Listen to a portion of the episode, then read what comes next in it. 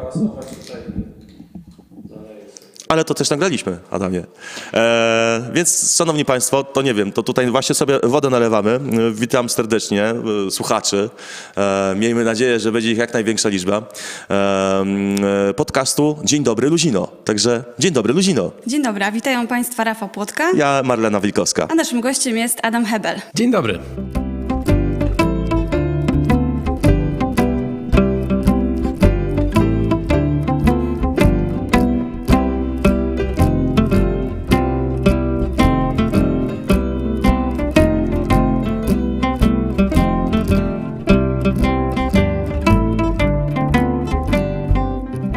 Dokładnie, Szanowni Państwo, e, to pierwszy raz, kiedy macie okazję nas e, posłuchać. Mm, Dzisiaj e, zaplanowaliśmy jeszcze jedną niespodziankę, o której powiemy może troszeczkę później.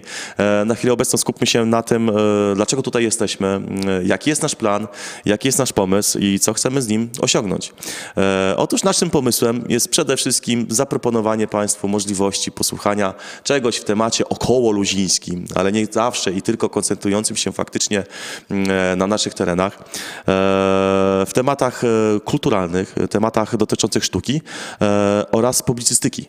E, Także w, ten, w, w, tych, w tych chwilach mamy nadzieję, e, że troszeczkę będziecie mogli zapomnieć o tych troskach, e, które gdzieś tam e, toczą się dookoła. Mam taki pomysł żeby w, pierwszym, e, w pierwszej kolejności e, poruszyć temat projektu, który jest Twojego pomysłu, mm, ale realizujemy go wspólnie, to znaczy realizujesz go z Gminnym Ośrodkiem Kultury w Luzinie. I może ja nie będę tutaj mówił, może Ty coś na ten temat powiesz. Chodzi o biersztubę. Dokładnie tak. Dobra, więc e, biersztuba to jest kaszubskie słowo, chociaż nie tylko kaszubskie. Ono oznacza taką część karczmy przeznaczoną właśnie do spożywania pewnych napojów. E, Dlatego tak się to nazywa, że w fantazy, bo tutaj właśnie o tej konwencji mówimy, bardzo często w takich właśnie miejscach jak taka biersztuba e, słyszy się najlepsze historie, dowiaduje się o różnych rzeczach. Jest to bardzo oklepany motyw e, w fantazy, e, wręcz e, na przykład mistrzowie gry w RPG-ach e, mówią, że właśnie e, szuk- trzeba szukać sposobu, jak nie zacząć akcji w karczmie, ale no, z drugiej strony jest on tak kojarzony, że myślę, że właśnie do fantastyki jest świetnym miejscem, więc to jest takie miejsce, w którym e, każdy może sobie usiąść, posłuchać fajnych e, historii, dowiedzieć się, poczytać, ale też samemu coś opowiedzieć, bo czekamy na teksty, e, opowiadania, fragmenty, może jakichś większych dzieł od innych. Miejsce związane z kaszubską fantastyką, ale także ogólnie z fantastyką, z tym, że po kaszubsku, czy po kaszubsku o tym mówimy. Może to być na przykład twórczość Tolkiena, czy tak jak mieliśmy niedawno tydzień Konana, a więc wszystko związane z twórczością e, Roberta Howarda.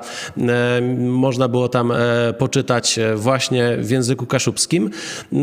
No w zamierzeniach, jak już ten zły czas epidemiczny minie, chociaż może nie, nie używajmy tego słowa zły, bo jednak jakoś sobie radzimy.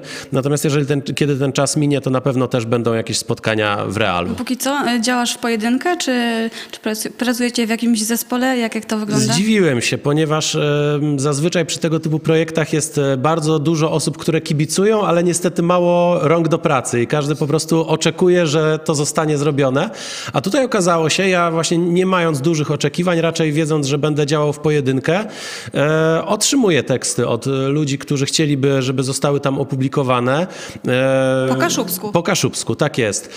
Ktoś na przykład gdzieś zwrócił mi uwagę na opisanie świata Tolkiena, więc ja mu zaproponowałem, żeby on sam napisał artykuł dotyczący właśnie Władcy Pierścieni i, i ogólnie Śródziemia.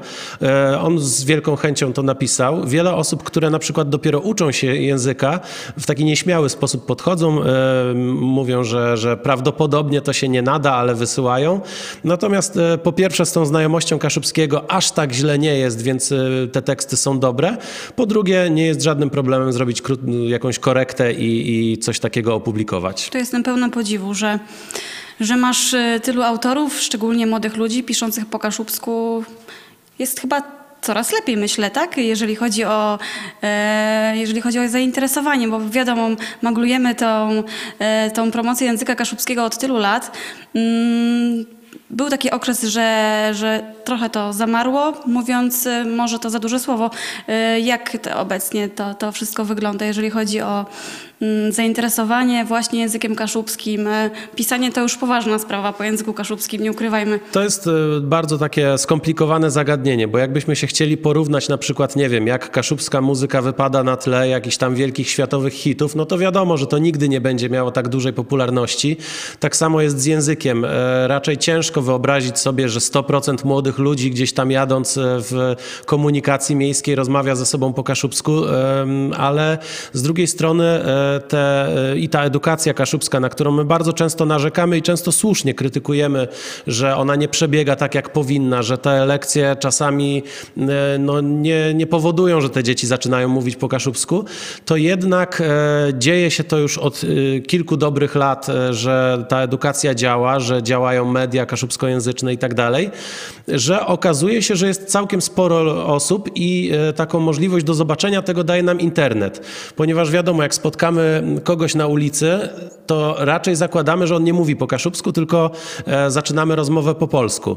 Natomiast w internecie, gdzie powstają grupy dla osób mówiących po kaszubsku, czy grupy, gdzie można o różnych kaszubskich sprawach pogadać, e, tam się okazuje, że pełno naszych jakichś sąsiadów, jakichś znajomych, o których byśmy w życiu nie podejrzewali o mówienie po kaszubsku, wychodzą z szafy i mówią e, w języku kaszubskim, więc nie jest aż tak źle i ja też widząc właśnie zainteresowanie, że to są ludzie, którzy mają pełno różnych zainteresowań.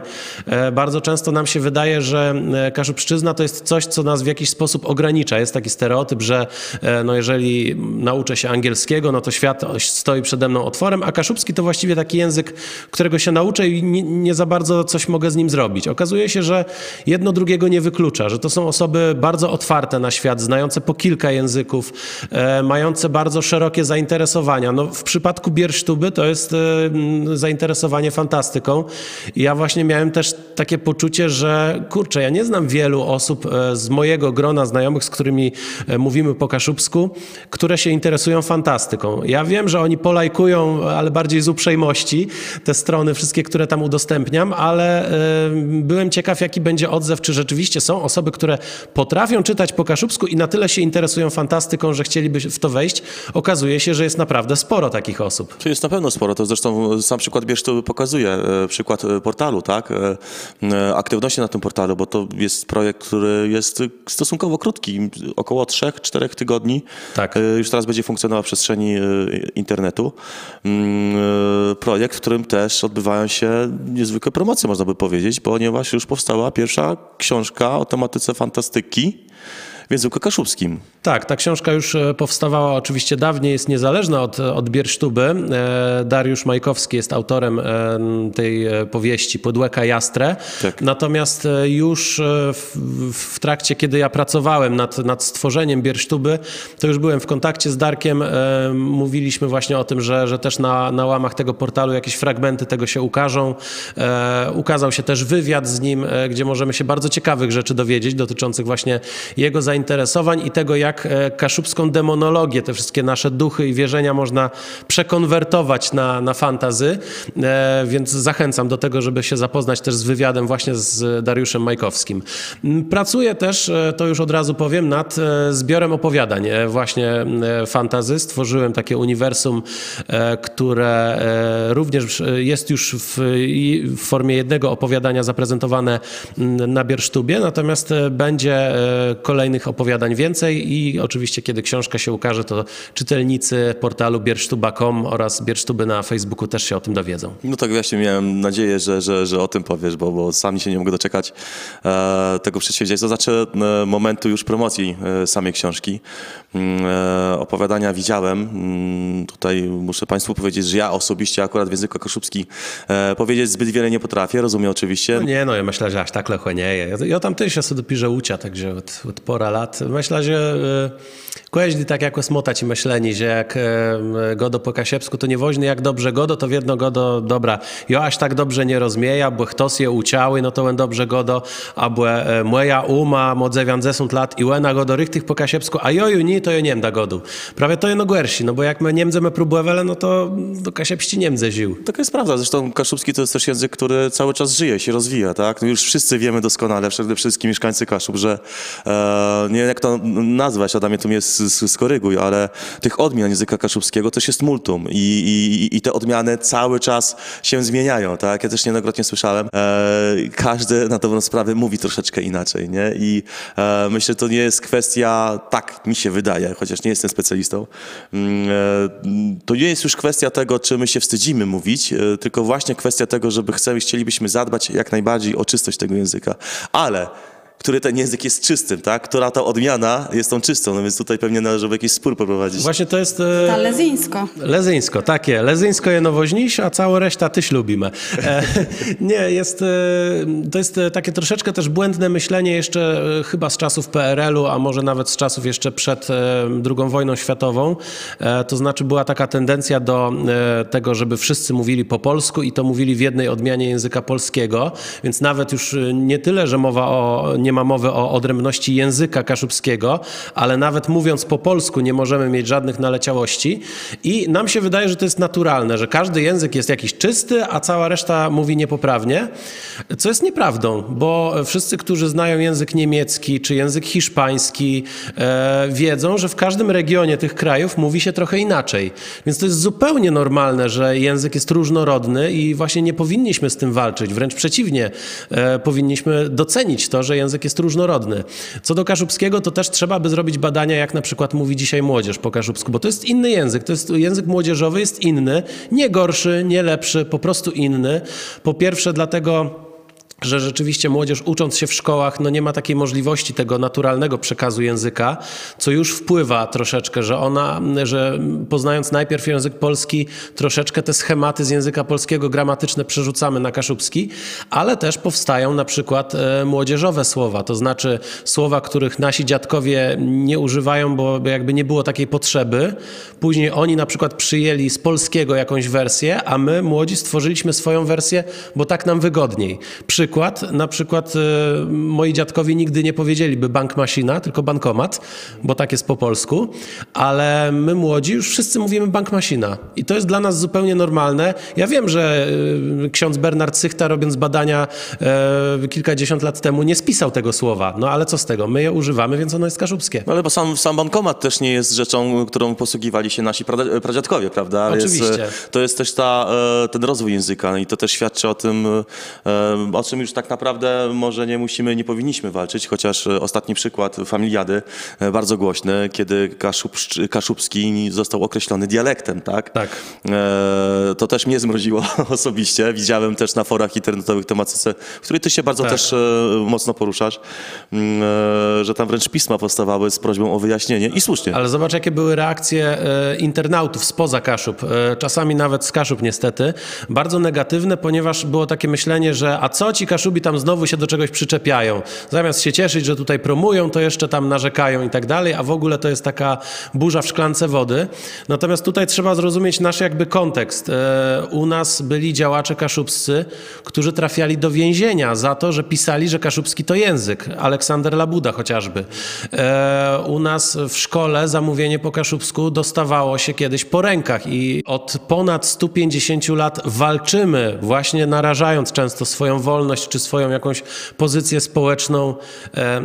Walczyliśmy o uznanie tego języka, no to nie walczyliśmy po to, żeby teraz sobie dać spokój, bo ktoś tam mówi, że gwara, no to spoko. No, no Tak, właśnie dokładnie. nie. Tym bardziej, że to nie są czasy, czasy aż tak bardzo odległe, jakby się może niektórym wydawało. Tak? To są czasy e, jeszcze naszych rodziców e, z, tego, z tego pokolenia, e, Gdzie się dostawało po rękach. gdzie się dostawało po rękach. Historia przecież Przeszłość się ciągnie za nami, nie? no i co, co możemy? No musimy właśnie, tak jak e, mówi Adam, e, nie cieszyć się z tego, co jest, tylko poprawiać e, to, coś, to, to co dzieje się w przestrzeni języka kaszubskiego i e, edukować, może to za duże słowo, ale po prostu e, mówić tak jak jest e, i, i robić tyle, by było coraz lepiej, a nie, nie cieszyć się z tego, co jest. Tak jest, to jest tu pełna zgoda i e, najważniejsze, żeby być w tym wszystkim, co się robi szczery. Dla mnie Biersztuba to jest oczywiście taki projekt, który, który ja robię dlatego, żeby promować język, żeby zachęcać do jego używania, ale także to jest coś, co ja po prostu lubię robić i, i chyba to jest najważniejsze, że każdy powinien w Kaszubszczyźnie robić to, co, co lubi, w czym czuje się dobrze, nie na zasadzie e, nie potrafię mówić po kaszubsku, nigdy się nie nauczę, bo mam to gdzieś, ale widzę, że jest okazja, żeby się wypromować, to zrobię coś tam. Tylko nie, e, po prostu być sobą i pokazywać to. E, To ja zawsze jak prowadzę jakieś zajęcia dla, dla dzieci i młodzieży, ja im pokazuję, mm, słuchajcie, wy mm, jak myślicie, po co wam jest kaszubski? No bo jest jakiś zespół pieśni i tańca. No dobra, lubicie tańczyć, lubicie śpiewać? Nie to po co wam jest? No i właśnie od tego przechodzimy. Oczywiście jest część dzieci, które lubią to i to jest wspaniałe. Ja, teraz nie mówię tego, żeby w jakiś sposób obrażać zespoły folklorystyczne, bo to jest, e, to jest wspaniała rzecz, którą robią. Natomiast nie każdy e, lubi e, grać na akordeonie, nie każdy lubi pieśni ludowe. Ktoś inny lubi fantastykę, ktoś inny lubi sport. Można się realizować i rozwijać kaszubszczyznę poprzez sport. Tak jest. Ktoś interesuje się informatyką, może tworzyć aplikacje. Znam osoby, które gdzieś tam e, kombinują z tworzeniem jakichś słowników in- internetowych i tak dalej. Więc e, tak naprawdę jakich byśmy zainteresowań nie mieli i jak bardzo nam się wydaje, że one są odległe od Kaszubszczyzny, da się to połączyć i da się z tego coś fajnego stworzyć. Czego przykładem jest e, to, co robicie. Robicie między innymi w Luzinie, tak? Mówisz o sporcie, mówisz o tym, że kaszubszczyznę, bo to mówimy nie tylko o języku kaszubskim, ale o jakby samym poczuciu kaszubszczyzny można promować, robiąc po prostu coś, co się lubi, tak? E, poprzez sport, e, bo zdaje się, że w Luzinie powstała Światowa Lig- Liga Buczki. Tak jest. E, Kasiepsko Liga Bućci, ale także gramy Mistrzostwa Świata w Bućce. E, To, to tutaj podkreślam, pół żartem, pół serio, ale rzeczywiście zespoły z całego świata zapraszamy i e, nawet no, ten rok 2020 był jaki był, ale chcieli, e, chciała żeńska reprezentacja Kaszubów z Kanady w hokeja przyjechać, więc chcieliśmy ich zaprosić do właśnie meczu w e, Bućkę. E, Zaraz powiem, co to za sport. Natomiast no, oczywiście ten rok nie dał nam takich możliwości, ale co się odwlecze, to nie uciecze. Kaszubi w Kanadzie cały czas grają, cały czas odnoszą sukcesy w hokeju na lodzie, a niech spróbują w kaszubskim sporcie. Bućka to jest, to jest właśnie e, kaszubski sport, e, który wywodzi się z takiej gry e, w XIX wieku opisywanej e, i na początku XX, gdzie brało się kamień, który był tą bućką, czyli świnką, którą trzeba było zagonić do chlewa, czyli do wykopanej dziury przy pomocy kijów. Więc tak trochę jak w hokeja trzeba było uderzać ten kamień, ale trafić trzeba było do wykopanego dołu. No i my stworzyliśmy własną wersję, czy jakąś taką współczesną wersję tego sportu, ponieważ no po pierwsze e, myślę, że, że tutaj Gminny Ośrodek Sportu e, w Luzinie nie zgodziłby się nigdy, żeby tą piękną murawę rozkopać, e, więc, więc e, z tego względu, ale też ze względów bezpieczeństwa e, stworzyliśmy zamiast tych dołów takie pola punktowe, okrągłe. Gramy piłką do tenisa zamiast kamieniem. To nie tylko jest bardziej bezpieczne, ale też e, ciekawsze, bo to gra jest bardziej dynamiczna. Stworzy- Stworzyliśmy dokładnie rozpisane zasady e, i i stworzyliśmy ligę, gdzie początkowo grały cztery zespoły, w tym sezonie już osiem. Mamy nadzieję, że ten sezon uda się rozegrać już bez żadnych zakłóceń epidemicznych. E, Natomiast e, rzeczywiście e, ten sport e, jest też takim przykładem, że Kaszubszczyzna może żyć e, zupełnie takim naturalnym życiem, nie, nie takim sztucznie podtrzymywanym, że tutaj e, powiemy wierszyk po kaszubsku, a potem już olewamy cały nasz język i naszą kulturę, bo przychodzimy na treningi, rozmawiamy ze sobą po kaszubsku. Ktoś, kto nie potrafi, oczywiście mówi po polsku, ale w jakimś momencie zaczyna to łapać i zaczyna jakichś pojedynczych określeń używać i tak dalej. Nie zmuszamy nikogo do tego. Nie mówimy, mamy takie zasady, że u nas e, się mówi po kaszubsku od czasu wejścia do szatni, do czasu e, tam przebrania się i tak dalej. Nie, my nie mamy żadnych zasad tam. To po prostu samo przychodzi. A gdybyście jeszcze na chwilkę mogli się wrócić i za, zatrzymać przy tym wątku Buczki, powiedz mi, na ile to jest kontaktowa gra? Jest bardzo kontaktowa. Bo sobie tak razu powiem. wyobraziłem Kaszubów mieszkających w Kanadzie, którzy może i nawet od dziecka mm, na tym lodowisku wiemy o tym, że hokej, e, hokej jest niezwykle kontaktowym sportem. Zastanawiam się, skoro już te Mistrzostwa Świata trwają, e, co roku się, co roku, tak, dobrze pamiętam, odbywają, mm, e, kiedy już ci e, Kaszubi kanadyjscy przyjadą, e, to trzeba zdecydowanie chyba troszeczkę tam inaczej do tego podejść. Jak to czujesz? No zobaczymy, to, to będzie na pewno ciężka przeprawa, mimo jakiegoś braku doświadczenia ich w e, samej bućce i tym, że czasami to, co znamy z hokeja może być mylące, bo tutaj jest inny kształt kija i już zupełnie inaczej się gra, ale jednak takie obycie sportowe, jakie oni mają, a pokazali to w roku 2014 bądź 2015 przyjechała męska reprezentacja zagrać, a to jest taka e, coś jak Liga Sołecka tak naprawdę u nich, bo to jest taka, tam są różne mniejszości, Indianie, Niemcy, Polacy, e, Kaszubi i Irlandczycy i każda z nich ma swoją tam reprezentację i co roku grają takie rozgrywki swoje wewnętrzne, jakieś ligowe, więc to jest ich sposób na wolny czas. Przyjechali zagrać z zespołami z najwyższych lig, z najwyższej ligi w Polsce, więc myśleliśmy sobie, no dobra, no zagrają, no Kanada Kanadą, ale jednak no grają z profesjonalistami, a oni są amatorami.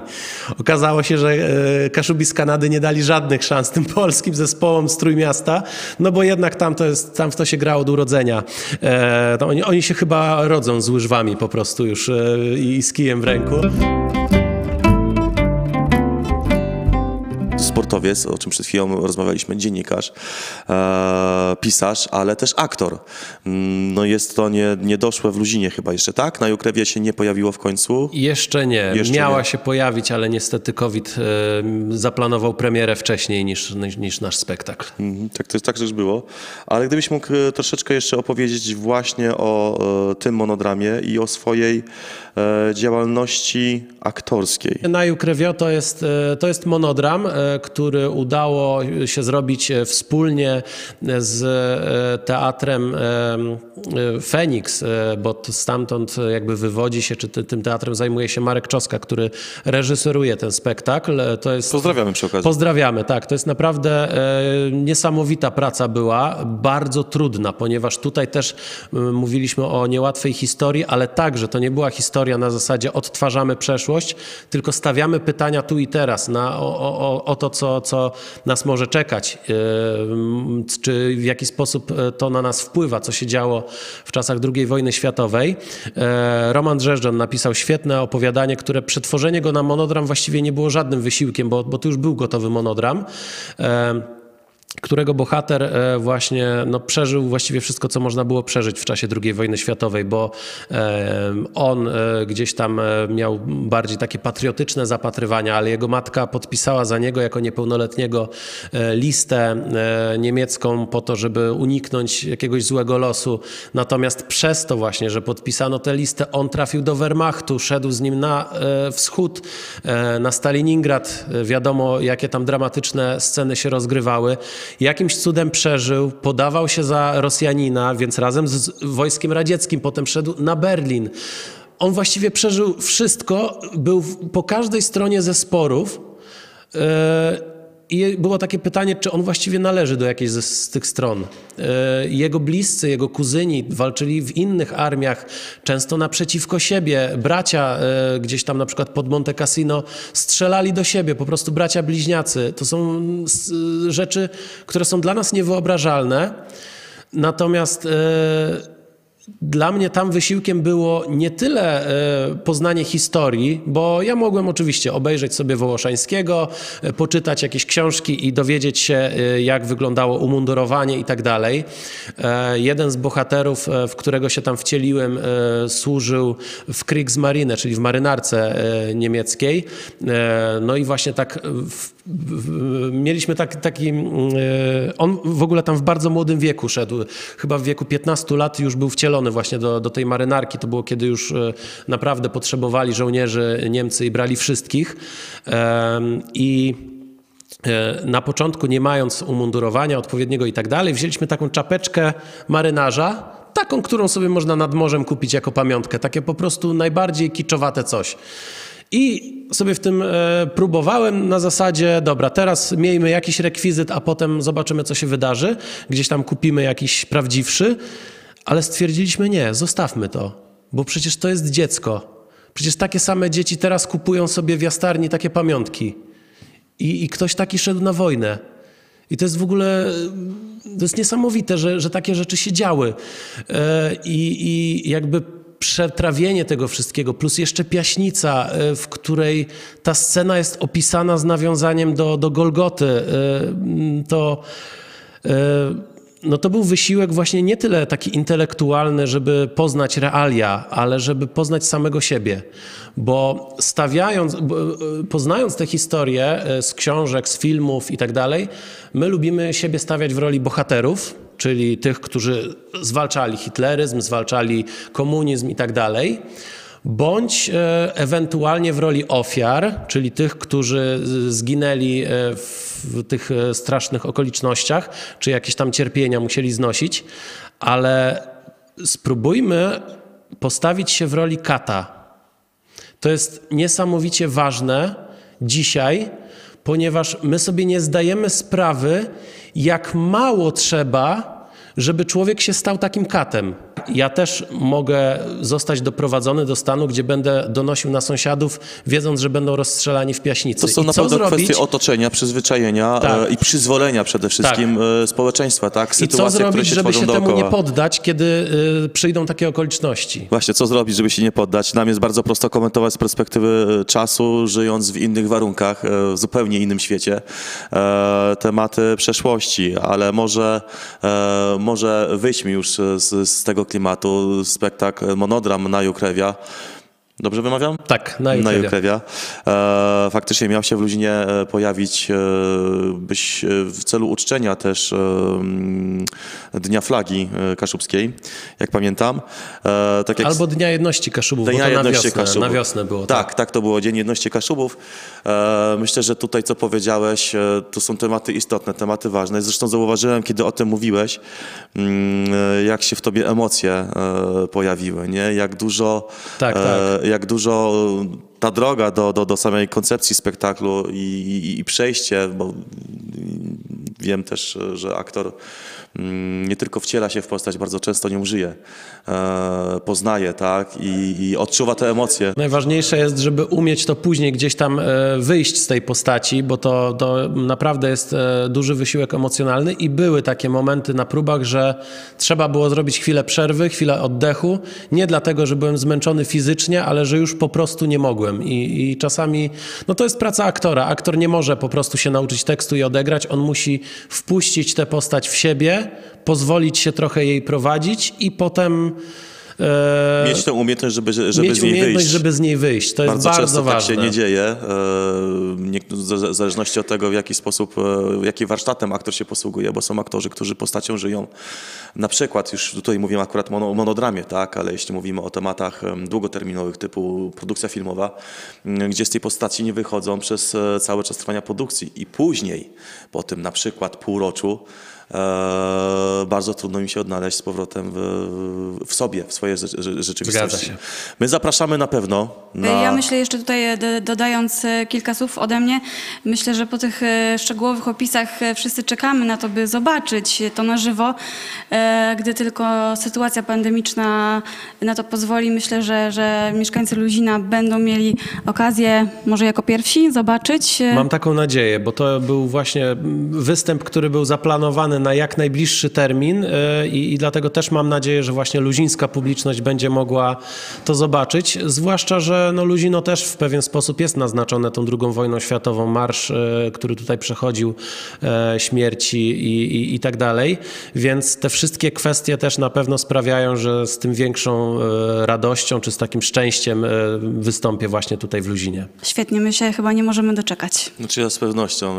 Przyznam szczerze, że już wcześniej, rozmawiając e, kilka miesięcy temu e, w temacie tego, tego konkretnie monodramu, gdzieś tam się dowiadywałem e, i, i niezwykle mi zainteresował, ale teraz jeszcze słuchając Ciebie i patrząc na emocje, bo ja się jednak tego będę tutaj trzymał, które się w Tobie wrodziły, zrodziły już opowiadając tak, o powstawaniu postaci, o, mm, o tym całym konsensusie. Zdecydowanie nie możemy się doczekać. E, No ale właśnie, nie możemy się doczekać. Mówimy to wszystko w kontekście też e, sytuacyjnym, który dzieje się na świecie, ponieważ Marleno zaprosiłaś gościa. Tak, e, czas, czas na drugą część naszego podcastu. E, Znajdujemy się w takiej sytuacji, a nie innej, w takiej pandemicznej sytuacji. E, I choć wszyscy mamy, mówiąc szczerze, podziurki w nosie tematu, jakim jest e, COVID, terminów takich jak lockdown, jak pandemia, Niestety, stety, musimy o tym rozmawiać. Moim gościem będzie luziński ekspert do spraw zdrowia, pan Piotr Pelcer. Ale zanim zaczniemy rozmowę z panem doktorem, e, chcielibyśmy państwa zaprosić do przesłuchania jednego utworu zespołu Blumej Mm, i będzie to utwór Spokój. Nam się podoba, liczymy na to, że państwo również. Zaczynajmy.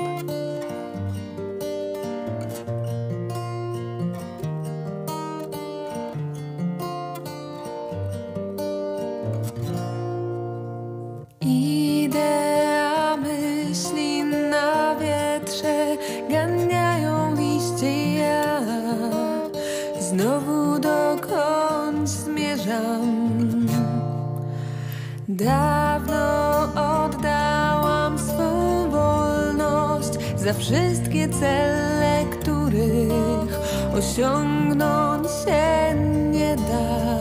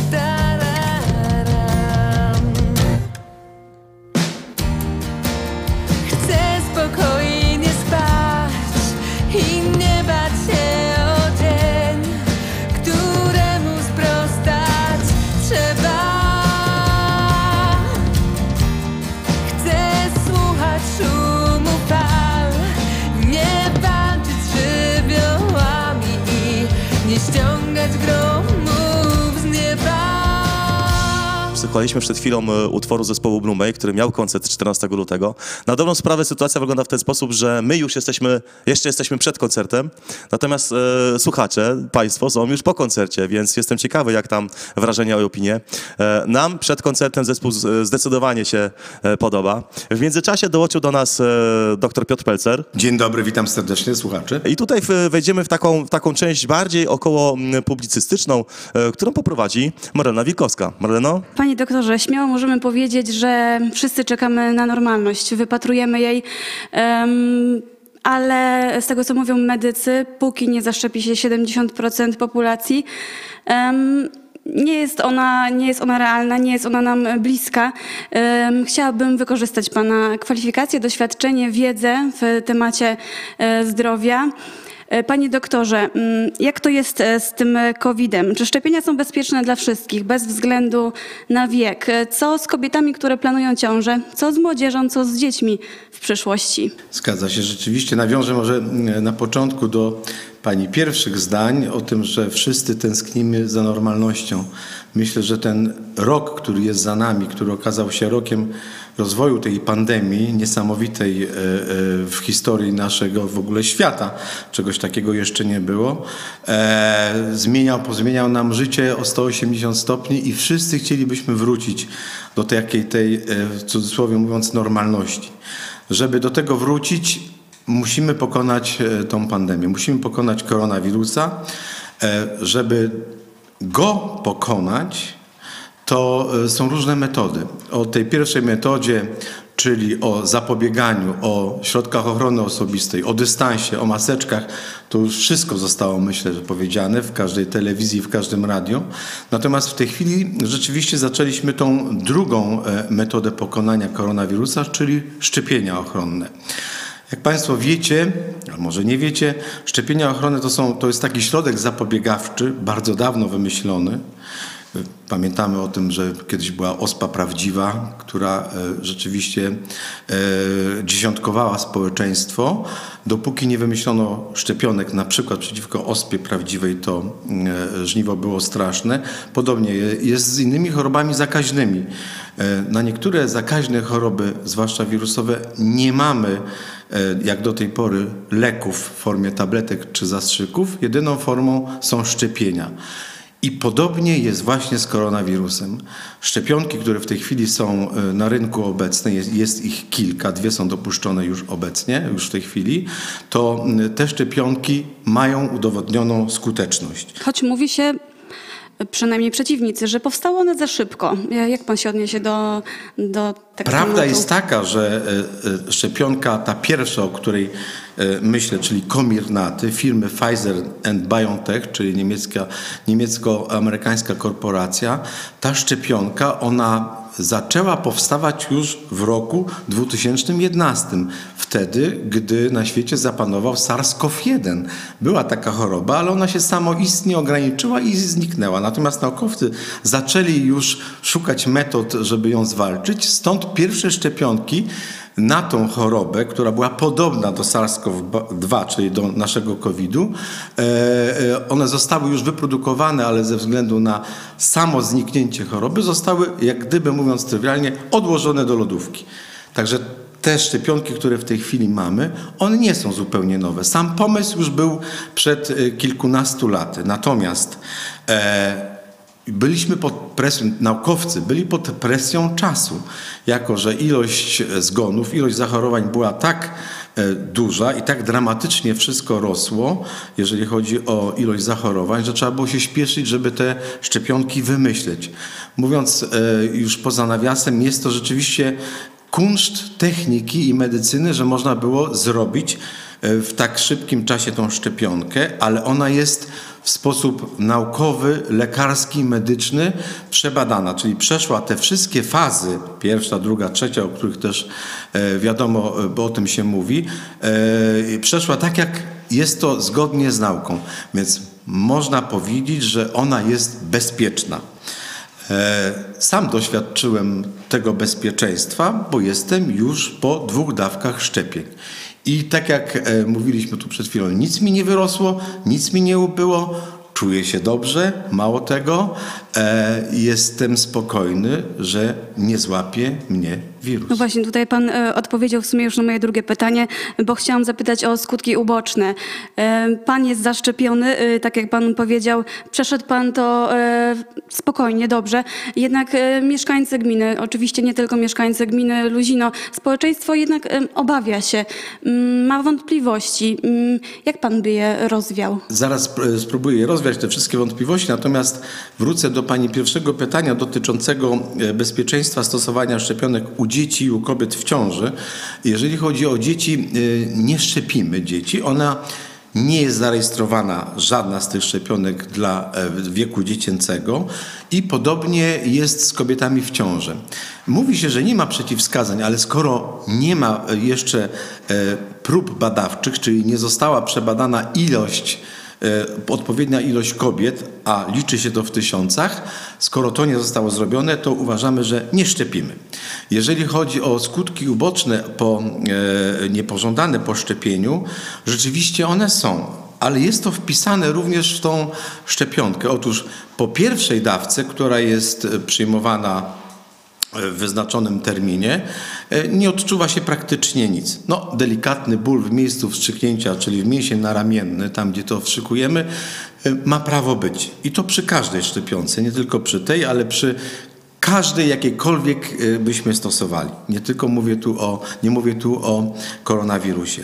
Natomiast druga dawka jest, y, y, y, pacjenci, czy, czy personel, czy ludzie y, przechodzą gorzej, ale to też jest opisane. Dlaczego? Otóż za drugim razem y, nasz organizm wytwarza większą ilość przeciwciał, czyli tych ciałek odpornościowych, dzięki którym potrafimy zwalczyć koronawirusa.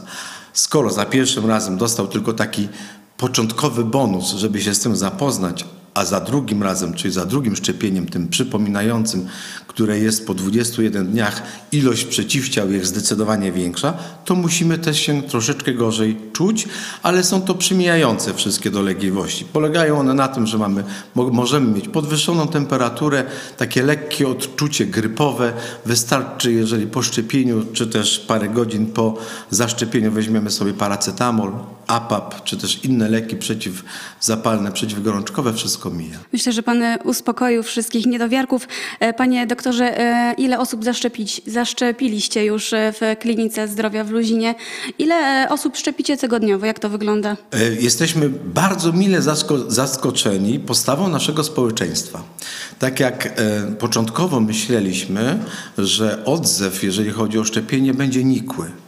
E, Myśleliśmy to patrząc na szczepienia przeciwko grypie czy przeciwko innym e, chorobom zakaźnym, gdzie odzew jest znikomy. Kilka procent ludzi się zwyczajowo szczepiło przeciwko grypie. Natomiast w tym wypadku koronawirusa, czyli choroby COVID, e, chęć zaszczepienia się przekroczyła nasze najśmielsze e, e, życzenia i myśli e, i przekroczyła ona w wypadku Luzina 70% ludzi chciało się szczepić. 60-70% w zależności od tego, jaka jest struktura wieku.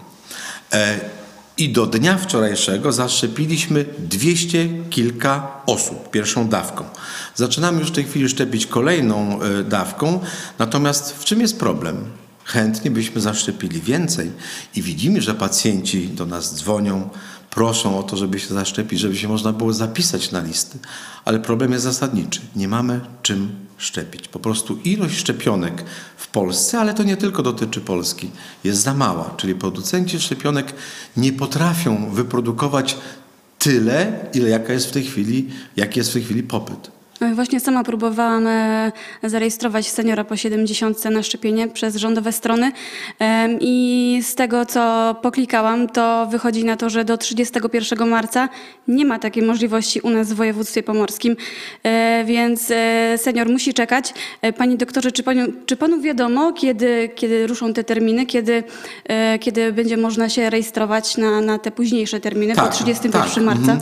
Jako iż y, y, program jest wykonywany, program szczepień jest wykonywany przez ministerstwo, jest to program, program rządowy, Narodowy Program Szczepień, to wszystkie formularze, do których my mamy dostęp, żeby zapisywać pacjentów w odpowiednich grupach wiekowych, zaraz też o tym powiem, e, dostajemy odgórnie, czyli z ministerstwa.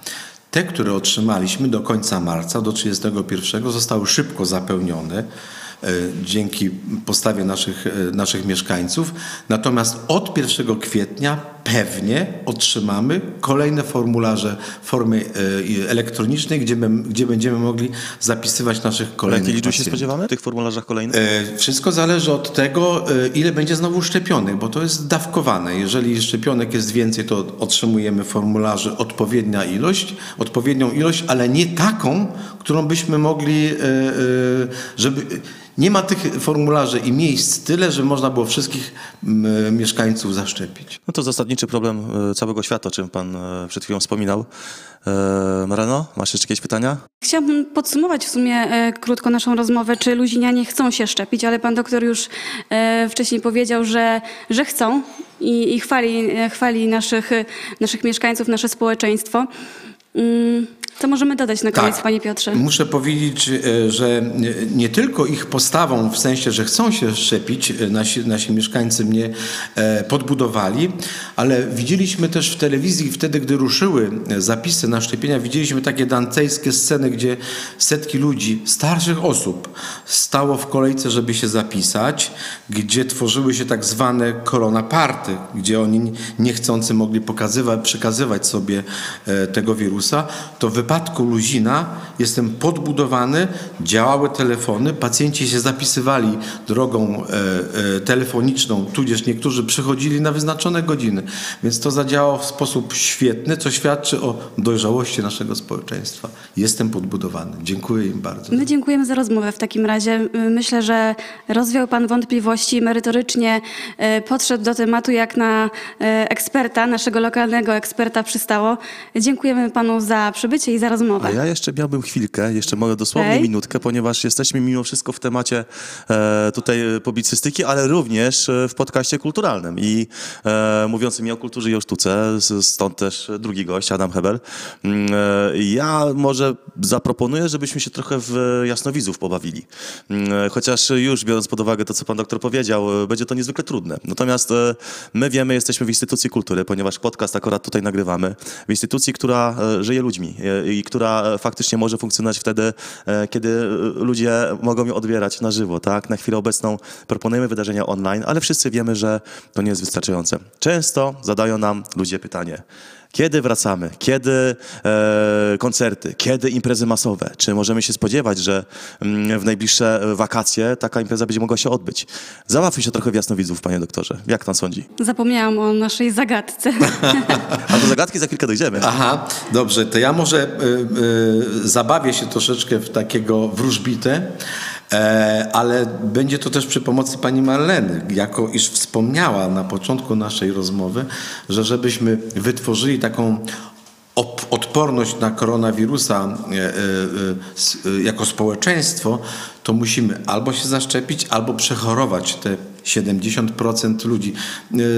E, Dane są różne, ale powiedzmy, niech jest ta liczba 70% społeczeństwa.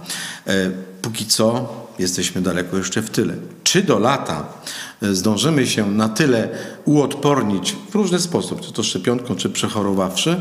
Nie wiem.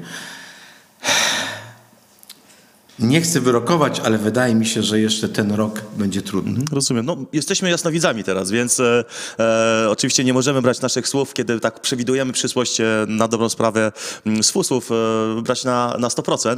E, ale właśnie a propos zagadki, Maryna przed chwilą wspomniała, mam może nie tyle zagadkę, bardziej na zasadzie pytanie, no skoro mówimy o COVID-zie, e, o temacie trudnym, tak, I, i, i bardzo często gdzieś tam nas wszystkich wiążącym, m, mówimy też o COVID-zie w sztuce.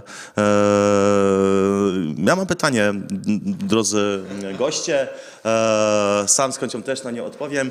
Waszym zdaniem, który artysta, no Państwo tego nie mogą zobaczyć, bo właśnie wręczam mm, pewne wyobrażenie Wrzucimy w samego wirusa gdzieś. COVID-a roz, e, rozrysowane przez różnych artystów. Mamy tutaj Van Gogha, Picasso, mm, Magritta, Poloka, Da Vinci, Daliego, e, Warhola e, i Mondriana.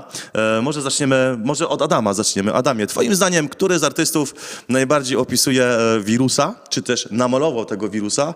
E, oczywiście naszym wyobrażeniem wyobrażeniu, tak jak ty go widzisz. Tak, e, może, może bardziej jak chciałbym go widzieć. E, Bardzo fajnie Andy Warhol, e, ponieważ e, no to jest nawiązanie do tej jego słynnej, słynnej ilustracji e, z puszką. Ja bym bardzo chciał, żeby ten COVID był zamknięty w puszce, schowany i żeby już go nie było w zasięgu naszego wzroku. To jest dobra teza, mi się podoba. Panie doktorze? Ja rzeczywiście muszę, muszę potwierdzić to, będąc w Muzeum Andy'ego Warhola na Słowacji, czyli niedaleko, gdzie e, ilość e, puszek z e, zupą jest niesamowicie duża z Campbella.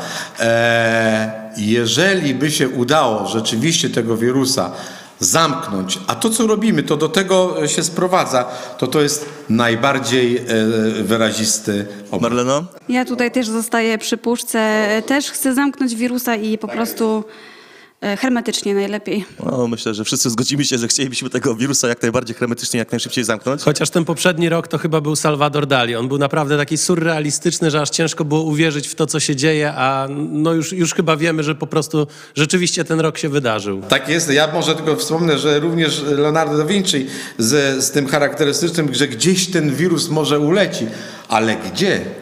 Może do innego, na inny kontynent, a wiemy, że tam on jest, więc to rozwiązanie nie jest najlepsze. Zamknąć go, zapomnieć. To z pewnością. Ja y, jednak nie będę oryginalny, bo tutaj raczej y, trzy, e, trzy odpowiedzi na Warhola wskazały, e, a jedna e, dodatkowo jeszcze na Dalego mi znowu Salvador Dali. I jakoś tak też mi się to kojarzy z upływem czasu. Jednak ten wirus w momencie, kiedy się pojawił, później to wszystko się troszeczkę nam rozpuszcza, rozmydla, przeciąga i, i, i takie wrażenie ja osobiście od z obrazu czerpię i tutaj jakby też jest to pokazane, bo na początku pamiętajmy, wydawało się, okej, coś przyszło, gdzieś się dzieje, w zakątku świata, gdzieś tam, nas to nie dotyczy. Jak mało czasu trzeba było, mm, żebyśmy się sami zaczęli martwić, tak? E, I e, wtedy jeszcze też nie wiedzieliśmy, jak długo to potrwa. Mm, Wiele osób e, mówiło o tym, no dobrze, może chwilkę, tak? No zamykamy się na tą chwilę, podziałamy, wrócimy do, no, do normalności. Ta nowa normalność cały czas trwa i stąd też akurat mój wybór padł na tę konkretną prezentację. Świetnie, świetnie przedstawienie w ogóle e, e, e, tego, tej naszej przeszłości, bo tak jak mówiłeś, rzeczywiście na początku było to dla nas wielkie przerażenie. Pa, pamiętam, w marcu przyjechał pierwszy pacjent z Chin, prosto do przechodni. Ja mówię, chłopie, słuchaj, w, w, w, Polsce jest 100 tysięcy lekarzy, a ty przyjechałeś z Chin e, prosto tu do Luzina. Po co do mnie? Ja się boję tego wirusa.